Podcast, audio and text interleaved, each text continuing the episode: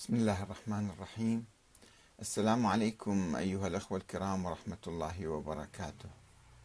بعد قليل نبدأ بث برنامج الحوار المفتوح. أنت تسأل وأحمد الكاتب يجيب.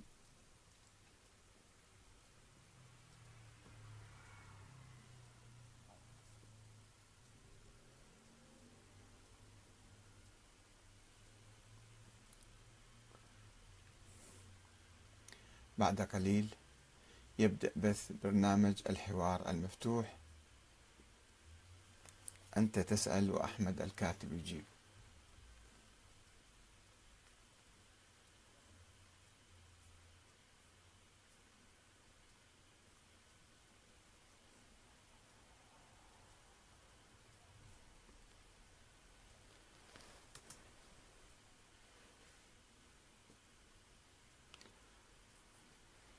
السلام عليكم أيها الأخوة الكرام ورحمة الله وبركاته.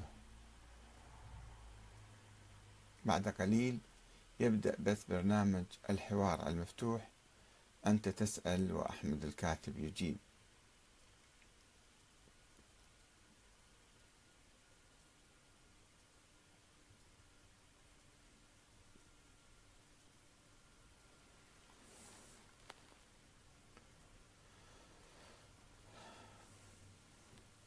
الأخوة الذين يتابعون على اليوتيوب التسجيل من الكمبيوتر على اليوتيوب مباشرة آه، الصوت غير واضح.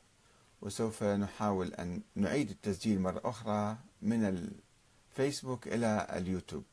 فإذا أحد يحب أن يستمع إلى التسجيل بصوت أصفى آه، فلينتظر حتى نعيد بعد انتهاء البرنامج هنا.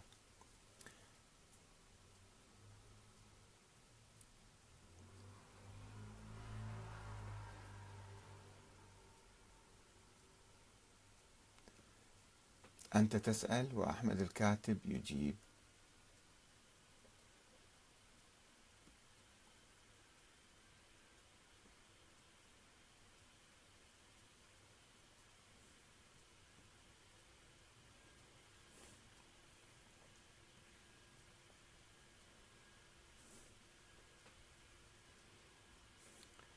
بسم الله الرحمن الرحيم. والحمد لله رب العالمين. والصلاة والسلام على محمد وآله الطيبين الطاهرين. والسلام عليكم ورحمة الله وبركاته. أهلا ومرحبا بكم في برنامج الحوار المفتوح. أنت تسأل وأحمد الكاتب يجيب. أبو فاطمة الطائي يسأل.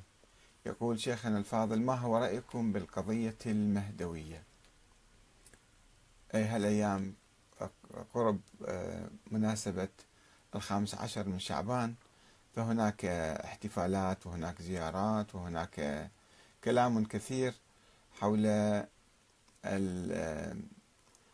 ميلاد الإمام آه، الثاني عشر محمد بن الحسن العسكري الذي يقال هو المهدي. طبعا الروايات الواردة في هذا الموضوع عند الشيعة الاثنى عشرية. روايات متعددة لأن الولادة كانت سرية على أساس. فلا أحد يعرف بالولادة متى كانت بالضبط.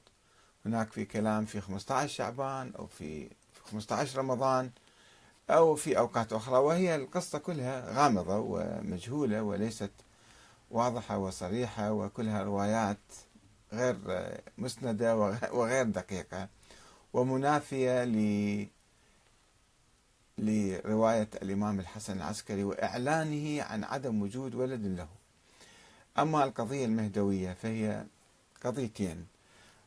متشابكتين أو ركبت بعضها على الأخرى.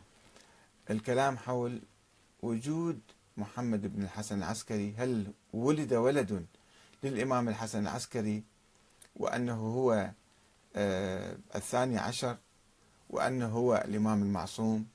ثم قيل بعد مئة سنة تقريبا أنه هو المهدي المنتظر.